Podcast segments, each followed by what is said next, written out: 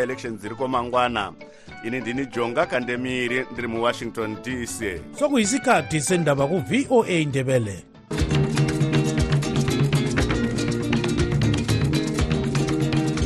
amatshono zihlobo siyalamukela kuhlelo lwethu lwezindaba eziphathelane lezimbabwe. Kustudio 7 eya voice of america sisakaza sisewashington dc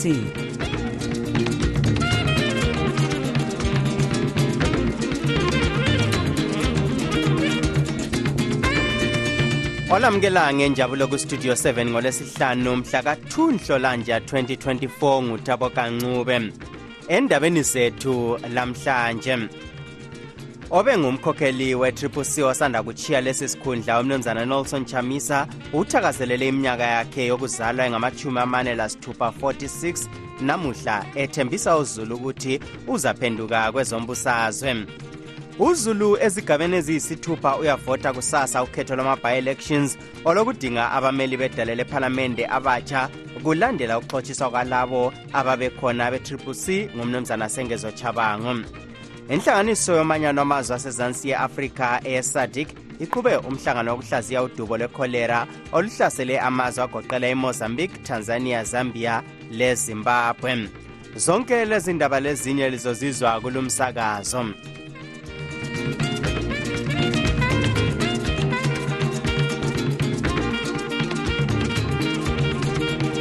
obe ngumkhokheli we-triple c osanda kuchiya lesi sikhundla ngemva kokukhalala ibandla lakhe umnumzana nelson chamisa uthakazelele iminyaka yakhe yokuzalwa engamachumi amane lasithupha 46 namuhla ethembisa uzulu ukuthi uzaphenduka kwezombusazwe aqhubeke ngomzabalazo wokukhipha izanup f embusweni ukuze athuthukise impilo kazulu.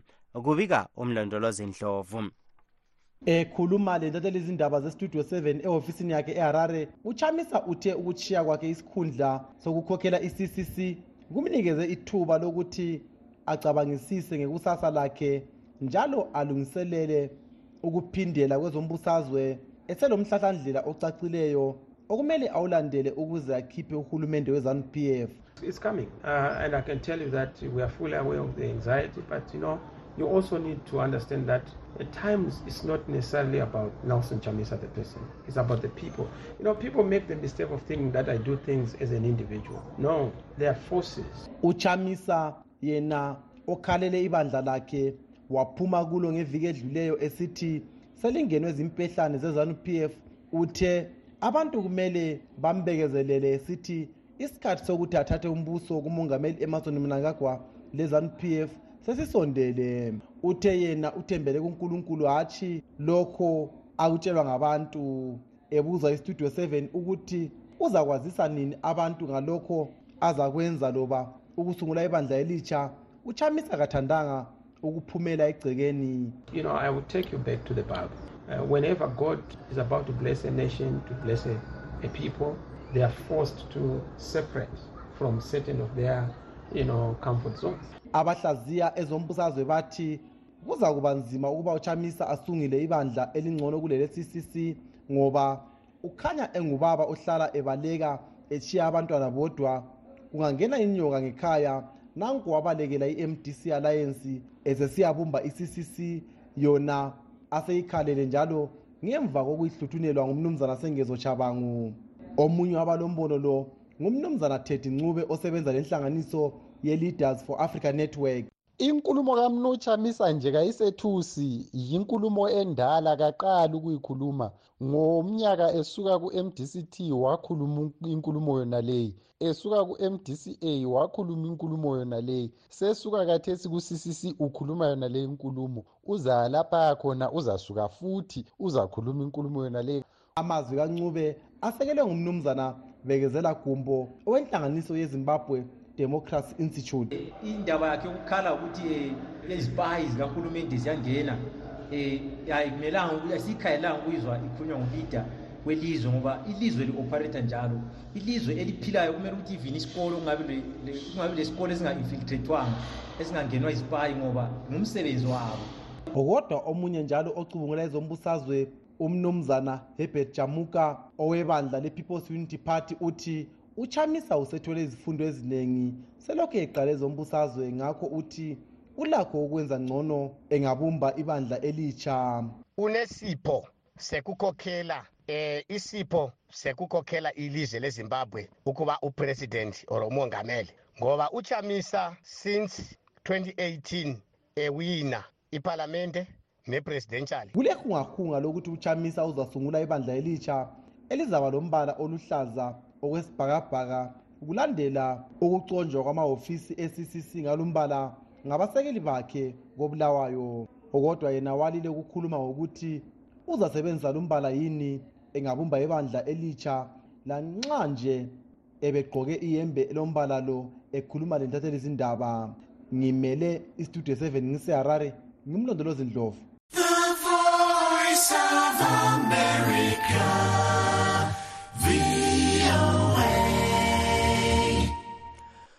Uzulu ezigabeni eziyisithupha uyavota kusasa kukhetho lama-by-elections olokudinga abameli bedale lephalamende abatsha kulandela ukuxotshiswa kwabo kwalabo ababekhona be-triple c ngumnumzana sengezo chabango umthethwandaba we-high court walile namuhla ukuvumela amanye amalunga e-triple c edlula amachumi amabili ukuthi ancintise kulolu khetho.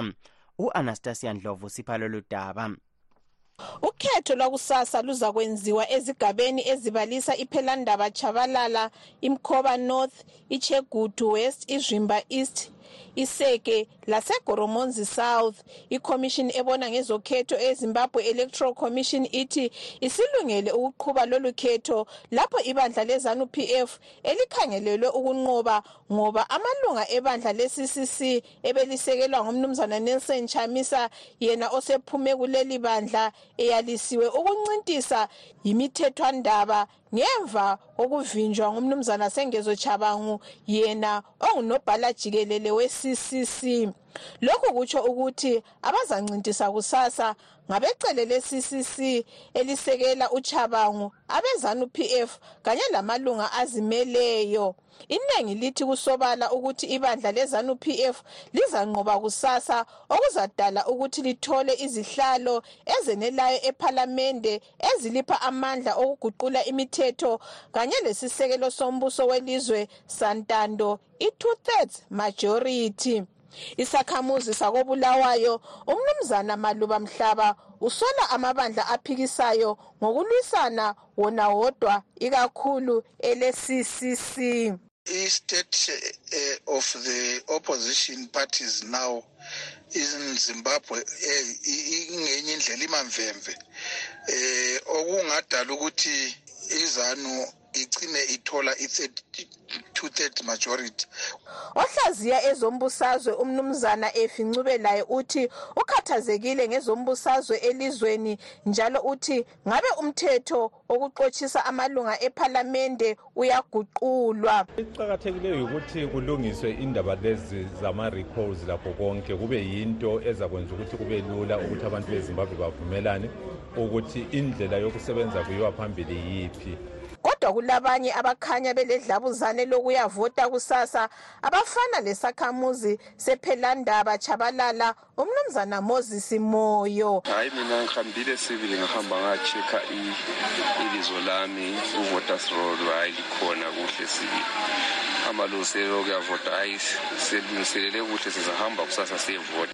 Isikhulumeli secele le-ccc elisekela uchabangu umnumzana alfred dziruthwe uthe sebelungiselele ukuyavotela amalunga abo kusasa sesilungiselele njalo eh ngathi izolo abantu bebematasatasa eh beyenza ama-car rallies isikhulumeli sebandla lezanu pf umnumzana farai marapira laye uthi sebelungele ukuya kukhetho lwama-by-elections ukuze babe lamalunga amaningi ephalamende njalo bathole i-two-thirds majority As ZANU-PF, we're looking forward to tomorrow's elections. We are expecting nothing but a resounding victory. Kunje uzulu wakobulawayo uthi udanile kakhulu ngokudabuka phakathi kwebandla le-ccc ngemva kokuxotshiswa kwamalunga aleli bandla ephalamende lakumakhansili nguchabangu okwenze umkhokheli walo umnumzana nelson chamisa wagcina ekhalala ephuma kuleli bandla esithi selingenwe zimpehlane. Ukwaliswa kwamalunga e-ccc ebikhokhelwa nguchamisa e-high court ukuthi ancintise namuhla yinto esolwe kakhulu ngabanengi. Igqwetha le-ccc umnumzana nqobani sithole uchasisa kabanzi ngalesi sinqumo. U-amos chibaya labanye bakhe amabizo abo asekhitshiwe kubhalot ngakho-ke um amhlophe kulaba abayabe bekhona njengoba wonke umuntu ekhona kubhalot yabe expect ukuthi kusetshenzwe. Ngimele umsakazo westudio 7 yiko bulawayo ngingu-anastasia ndlovu.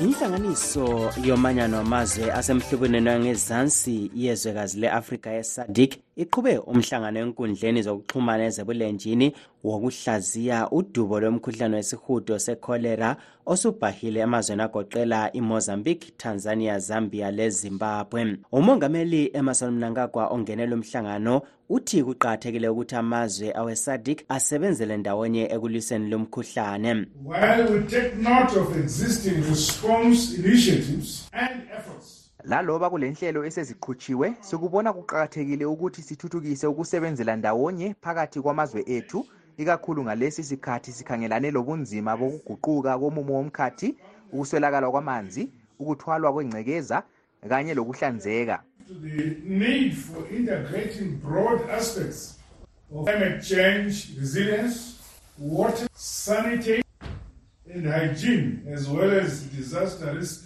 reduction. welekelele ukuthi izimbabwe isiqinisa umsebenzi wokumelana lalo mkhuhlane ukuze uphele elizweni okhokhelwa yikhomithi elenkokheli yengatsha zikahulumende ezitshiyeneyo In the case of Zimbabwe, we developed a Mount sectoral cholera elimination roadmap. ezimbabwe sathatha amanyathelo abalulekileyo aveza ukuthi sizalwisana njani lekholera amanyathelo la agoqela inhlangothi ezishiyeneyo njalo alenhlelo zokuthuthukisa ukutholakala kwamanzi lokulahlwa kwengcekeza Roadmap includes a detailed plan to re- water and reticulation systems and increase sanitation coverage. umgcinisihlalo wekhomithi yedala lephalamende obona ngezempilakahle umnumzana daniel molokeli uthe bazakhuthaza uhulumende ukuthi alandele izinqumo ezithethwe yilo mhlangano thina njengama-parliamentarians kutheni iziphophombi izinqumo abaphume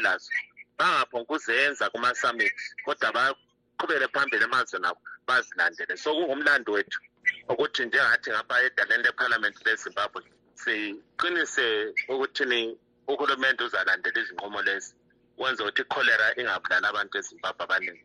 Ngoba imkhuhlane okwanisa ukubulala abantu abaningi njenge-covid ukansila kaward 9 kobulawayo umnumzana donaldson mabutho uthe kule ndingeko yokuthi uhulumende afake eceleni imali yokulwisana lo mkhuhlane lo kulandela isinqumo sesadik esokuthi kwengezwe imali zempilakahle emazweni akulomhlubulo. Imali yinto eqakathekileyo and ukuthi abantu bezothola impilakahle beyesizwa kungaba kusezibhedlela kungaba yikuthenga-ke esithi ngama-disinfectants isepa ini ezivikela-ke ukuthi umkhuhlane lo ungamametheki Eh, or labo ke ababe sebehlaselwe ngumkhuhlane wona lowo bekwanise-ke ukuthi bethole-ke esithi health care i-medication. Umhlangano lo ongenwe ngamazwe alithumi lanhlanu agoqela esouth africa angola zambia namibia botswana lamanye uphumele ezinqumo ezimbalwa ezigoqela ukukhuthaza ukusebenzela ndawonye kwamazwe la ukuthuthukiswa kwenhlelo zokuhlaba amajekiseni okuzivikela ama-vaccinations ukumisa ukumemetheka kwekholera ngokutholisa uzulu amanzi ahlanzekileyo lezinye inhlelo. Inhlanganiso ezithi i-world health organization africa center for disease control and prevention united nations children's fund unicef le-world food program wfp lazo zingene lumhlangano uhlangothi lwezempilakahle izolo lubike ukuthi umkhuhlane lo ucatshangelwa ukuthi usubulele abantu abangamakhulu amane lamachumi ayisitshiyagalolunye 492 kusukisela ngesikhathi uqhamuka nyakenye. Yayi esingathi ibhaskithi lesabridge li-bread basket lesi le-africa kusitsho ukuthi khona ukulima kwethu i-production yethu yayiphansi okwakusenelisa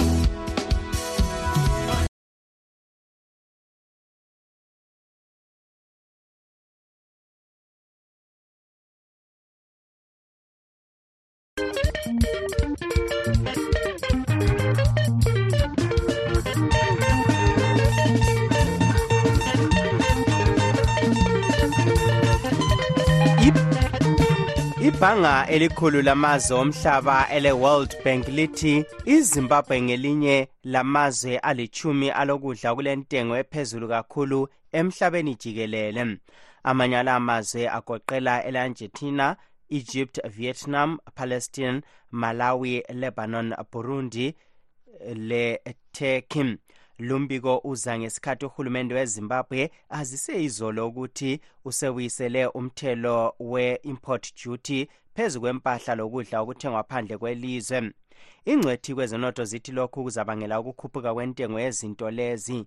Sixoxe lenye yalezi ngcwethi umnumzana rejoyce ngwenya ngodaba lolu izimbabwe yayiyi esingathi ibhaskithi lesabridge li-bread basket le-africa kusitsho ukuthi khona ukulima kwethu i-production yethu yayiphansi okwakusenelisa ukuthi sithengise ukudla kwethu ngaphandle kwelizwe sizuze imali yangaphandle kwelizwe sibe le-access lapha ezimbabwe. So okwakhathesi njengoba imali yethu amadola yethu ezimbabwe esengasaqinanga kutsho ukuthi sisebenzisa imali yangaphandle ukuthenga izimpahla i-equipment eyokusebenzisa ukulungisa ukulima ukudla kwethu. Yothiwa ethiwa khona ngesikhiwa import push inflation ukwenza kwenza ukuthi ukudla kwethu kudule singenelisi ukulima ukudla kulentengo ephansi. Nxa sikhangela amazwe wonke la singathi kule common denominator yini? Kukhona okukodwa okwenza ukudla kudule kakhulu kulawa mazwe yini okufananayo emazweni wonke la? Ungazunanzelele amapolisi imithetho yakhona. Uzabona ukuthi amazwe wonke la akhulunywayo kulemithetho eminingi eqondane lokudla ama-regulations. So ngesikhiwa sithi khona is the most regulated economies in the world. Imithetho yakhona yenza ukuthi i-large scale investment eqondane lokudla ibe phansi ngoba abantu abafaka iy'mali ku-agricultural production bayesaba imithetho yakhona. Umzekeliso engakunika wona mfowethu ukuthi abalaleli bayazi ukuthi i-g m b yethu yethu khona yethenga ukudla. Ekuthengeni kwakhona bazatshela abantu abalimayo ukuthi imumbu wenu lifanele liwuthengise kithi njenge-g m b nge-two hundred dollars ngethani kodwa bona bekwazi ukuthi umumbu uyathengwa ezambia nge-one fifty i-landing price. Uyabona ukuthi imithetho i-regulation iyenza ukuthi ukudla kudule. Akusiphe umzekeliso wentengo yezinto ezimbili ezintathu ezidulayo. Lokuthi lokho kulomthelela bani empilweni kazulu? Ngizakunika umzekeliso wezambia ukuthi izambia ipetrol kumbe amafutha abathengayo ngoba amafutha yiwo andise ukukhweza ama-cost e-production ungazibona ukuthi thina ipetrol yethu ngidizeli yethu sithenga nge-one point sixty five or one point fifty US dollars. Kodwa ama-zambians abathenga i-fuel isedlula kumabhoda yethu iyabe ichiphile ngani? Kutsho ukuthi into yonke ehambelana le-food production i-transport ama-cost akhona. Ngizabona ukuthi impuphu yethu lapho ezambia nxa khona kuthiwa khona i-ten dollars yi-four dollars fifty ngapha iyabe yi-seven dollars. Ungazikhangele futhi lo get irrigation um eyomumbu um ukuthelela ingqoloyi. Amagesi yethu esiwabhadalayo thina ayabe ephezulu. Kutsho ukuthi isinkwa sethu esisithengisa thina nge-one dollar twenty ngelof ezimbabwe e-south africa sebe siyi-fifty siyi-eighty cents ezambia sebe siyi-ninety cents kumbe idola umnumzana rejoyce ngwenya ucubungule ezenotho njalo ngoyenhlanganiso ye-coalition for market and liberal solutions. Ubexoxa lo ntungameli nkomo owestudio 7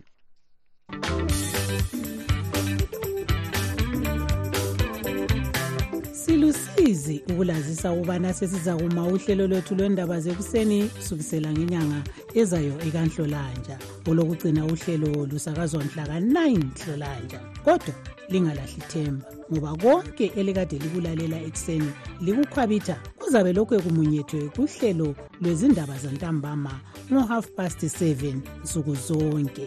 Sikhumbuzane sihlobo ukubana lanxa ungakhuthwa luhlelo lwezindaba luka-half past 7 ntambama ulakho ukululalela lapho soluphindwa ngo-half past 9 ntambama lango-half past 11 ebusuku. Siyalibonga ngokuqhubeka lisekela inhlelo zethu ze-studio 7 eye-voice of america.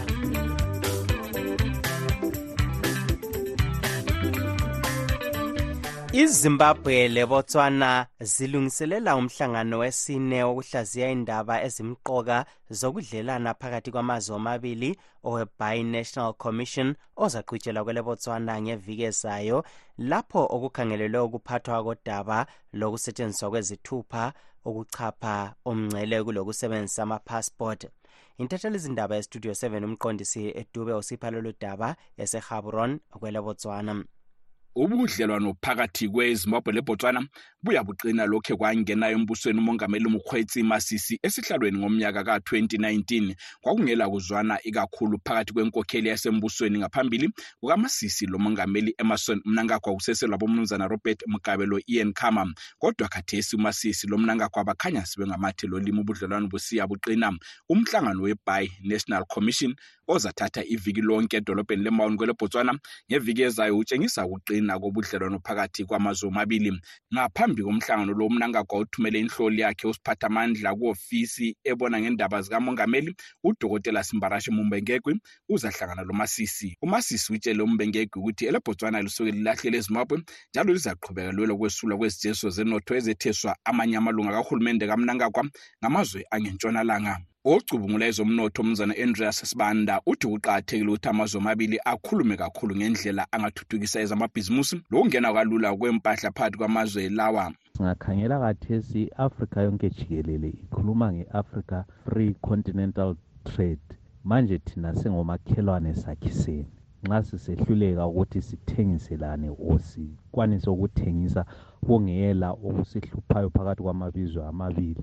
Inhlanganiso encedisa ukuthuthukisa ezamabhizimusi ezimtrade izakhokhela iqula lamankampani azabukisa kumbikiso zagijima nxele kulo mhlangano we-bi-national commission. Omunye onxuswe kulo mhlangano njalo emela izimbabwe community kwelebotswana umzana sifas chuma uthi kumele kukhulunywe ngendaba yokufaka umncelo owodwa phakathi kwamazwe omabili owe-one stop border kwenza kube le-smooth travelling of impahla labantu and all these things. I think kuyadingakala lokho uchuma uthi kuqakathekile ukuthi kukhangelwe emuva babone ukuthi sekuhanjwe isibanga esingakanani. Lokhe kwabanjwa i-bi-national commission yokuqala eminyakeni emine edluleyo. Kodwa abacumula ezombusazwe abafana lomnumzana efidlela ncube bathi ubudlelwane phakathi kukamnangagwa lomasisi kumele buqale ukuletha inzuzo ebantwini mahlayana abantu bezimbabwe bekhangelele ukuthi ubudlelwane lobu ngalesi sikhathi bube sebuthele izithelo ezinkulu. Uncube njalo uthi kumele kukhulunyiswane kukhuzwane uma kukhona ongahambi kuhle kwelinye ilizwe okufana lokwephulwa kwelungelo loluntu. Ocubungula ezombusazwe kwelebotswana ezimele umnumzana mulimi isaac laye uthi kuqakathekile ukuthi imizamo yabomongameli ilethe inzuzo kuzulu jikelele We appreciate the close bilateral relations. siyakubongela okwenziwa ngumongameli kodwa akube lezithelo kuzulu njalo kulodaba lokusebenzisa izithupha ukuchapha umngcele. lolu daba lukhangelelwe ngabanengi imizamo yokuthi kuqalwe masinya ukusetshenziswa izithupha ukuchapha imncele yatshana lemigoqo nyakenye ngesikhathi idale lephalamende kwelebotswana liphikisa umbono wabomongameli bobabili besithi kungadala ukugcwala kwabezimbabwe kwelelo lizwe ngingumqondisi dube owendaba zestudio 7 ngisabron kwelebotswana It was a was a Friday, my darling. Was a Friday.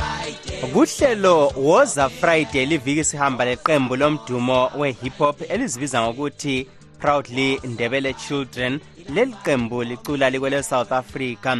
Nangumkhokheli walo ubhekuthando siwela exoxa lontungameli nkomo westudio 7 Oh yeah, bakhula befihla laba bantu. Oh yeah. I call KJ.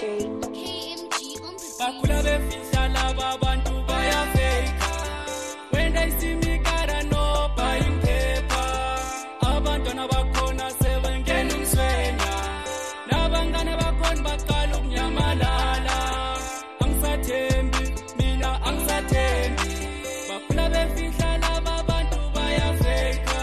salibonani balaleli emsakazweni istudio 7 lo obingelelayo ngubhekuthando siwela ijaha le-pnc proudly ndebele children maseliphelele okuliqembu elisungulwe ngamajaha amabili ujustice ndebele odabuka kosigola esigabeni sasentshamathe lobhekuthando siwela odabuka enkayi esigabeni sakomkhubo wonkone ngaphansi kwenduna usikhobokhobo iqembu leli siliqale ngomnyaka ka-2021 ngosepthemba lapho esiqale khona ngokurekhoda ingoma eyodwa ebilesihloko esithi ona lerona sazoqhubeka ngo-2022 sarekhoda ingoma ezimbili ebikhona ethi amagwala leyinye ethi diye mama.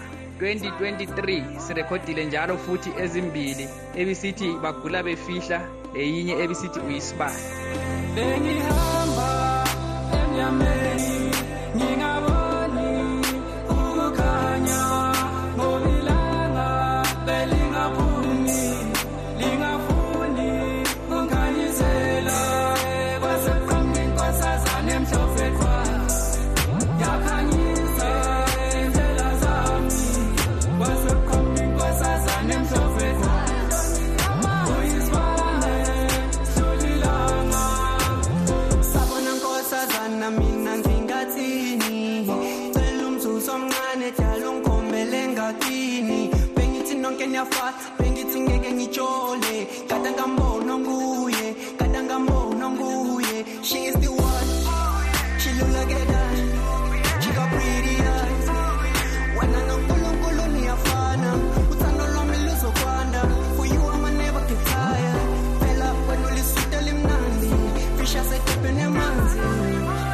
abangathanda ukuthenga umculo wenu kumbe ukuxhumana lani balithola njani? Abalesifiso sokuthola ingoma zethu ziyatholakala kuwo wonke ama-digital platforms afana nabo-youtube spotify deezer apple music. Ngithi ukubala nje wona la amalutshwana agoqela abo-amazon enkundleni zokuxhumana siyatholakala kufacebook naku-instagram nakubo-tiktok nge-proudly ndebele children pnc inombolo esizisebenzisa kuwhatsapp ngezasezim zithi zona plus 263 71 46 54133 then ezocingo uma ufuna ukufona zithi zona plus 27 78 950 0308 ezinye zakhona zithi zona plus 27 60 139 3483 abalandeli ubachiyela wapha amazwi kulabo abanelisayo ukuthi bahambe bayobheka ingoma zethu kuma-digital platforms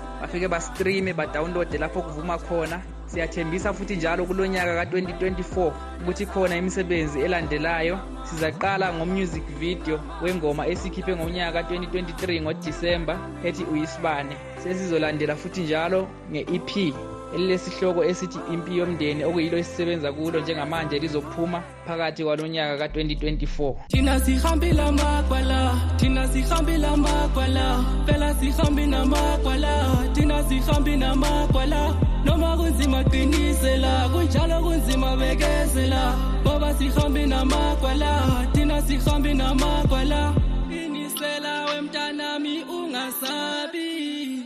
Etshalmana ikinsimbi engagobi qina qina mntanami mama wangitshela. Wathi masekusa uyakhula mnyama noma kunzima empilweni kahle ngicela ungalahli ithemba bathi umqanso udala umehlo njalo ubumnandi buvele emthulukweni cela wena ubekezela sekuseduze empumelelweni sekusele kancane nje cela uguqu ukhuleke thina sihambile amagwala thina sihambile amagwala phela sihambi nama lo ube ngubhekuthando siwela okhokhela iqembu le-pnc ekuxoxa lontungamili nkomo owestudio 7 lingakhohlwa uhlelo lwe-live talk olulandelayo lapho esiqhubekela phambili sikhangela udaba lwe-triple c kanye lokhetho lama-bi-elections oluzaqhutshwa kusasa. Singakehlukani izihlobo sikhangele ebezikhokhela. Umnumzana nelson chamisa namhlanje ubethakazelela iminyaka engu-46 ezelwe ethembisa ukuthi uzaphenduka kwezombusazwe. Silugqiba-ke lapha uhlelo lwethu lanamhlanje olivalelisayo ngutabo kancube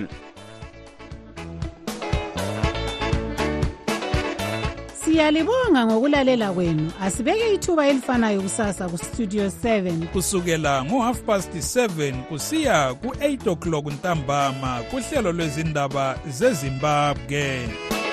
Tinotenda nekuteerera chirongwa chedu. Teererai zvakare mangwana kubva na7 p m kusvika na730 p m. Apo tinokupai nhau muririmi rweshona. Lilani. Murara zvakanaka mhuri yezimbabwe